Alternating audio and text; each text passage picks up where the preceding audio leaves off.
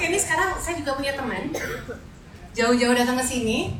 Maaf chef, sorry aku tahu lagi ngobrol, tapi pengen tahu sambal favoritnya apa sih? Dua. Apa ya? Gue kan orang Manado, jadi ya sambal.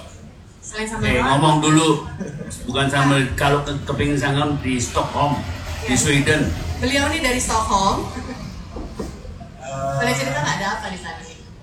Di sana sambal kan om. Jadi tapi aku suka bikin sambal yang dari South America itu kayak dabu-dabu namanya pico de gallo. Pico de gallo. Oh, Oke. kayak dabu-dabu sih. Tapi bisa dapat pedas di sana. Jenis harisa.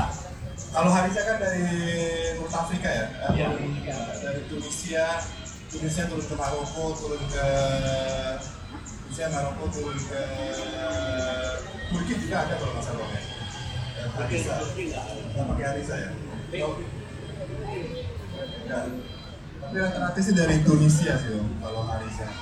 Masih ada chef yang dari Tunisia, dia bisa bikin Harisa pagi-pagi ditaruhin telur eh, telur mata sapi setengah matang. Sama dia ditimpa di atasnya dengan harisa lalu dimakan dari cokingnya tomat aja khusus sama sama roti pagi-pagi dimakan loh mbak Sambal dimakan roti, telur, ka, kacau balau gitu makannya. Itu karena pengaruh budaya yang macam-macam. Ini eh, dari pengalaman saya juga waktu gastrodiplomasi di Stockholm, di Sweden, ada satu jenis makanan yang paling bau di seluruh dunia. Namanya surströmming. Ikan herring yang dibusukkan di dalam kaleng, proses selama setahun. Jadi kalengnya itu harus melembung. Itu kalau saya coblos di sini ini kabur semua tempatnya.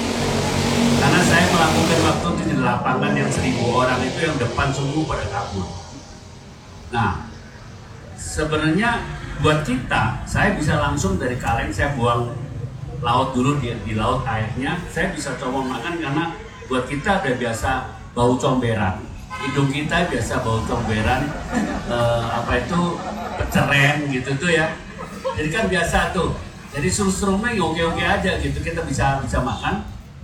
Saya robah, saya cuci dengan air dingin, terus saya goreng surströmming itu, saya bikin remetan, bubuk, saya jadikan terasi, seperti terasi untuk nasi goreng.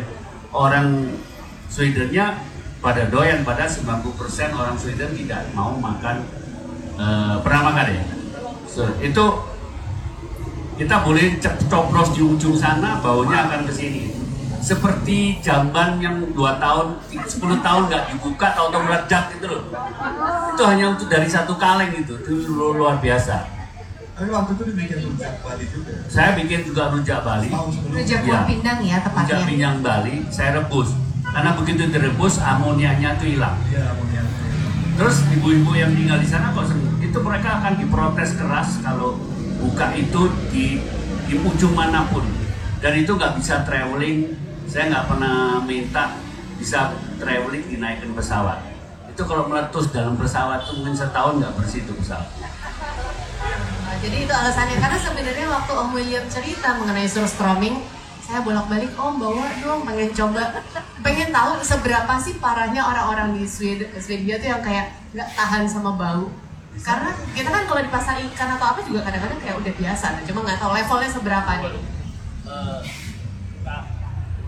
Levelnya sejuta kali.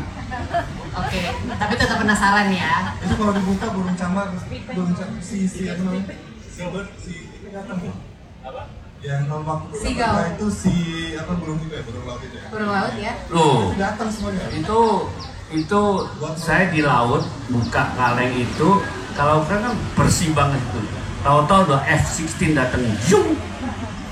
Sebelumnya nggak pernah kelihatan tahu-tahu lalatnya itu tahu-tahu nembak aja ke situ tuh.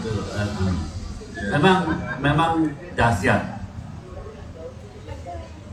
Tapi itu itu adalah makanan probiotik buat orang Sweden dan, dan tidak dimasak di sana itu dicomot-comot ditaruh di roti dengan crackers dengan sour cream dengan banyaknya aku bilang ini makannya curang ini Kalau kita nggak apa makan aja pedak kok seperti pedak. Oh oke. Oke, thank you Mas Yosi.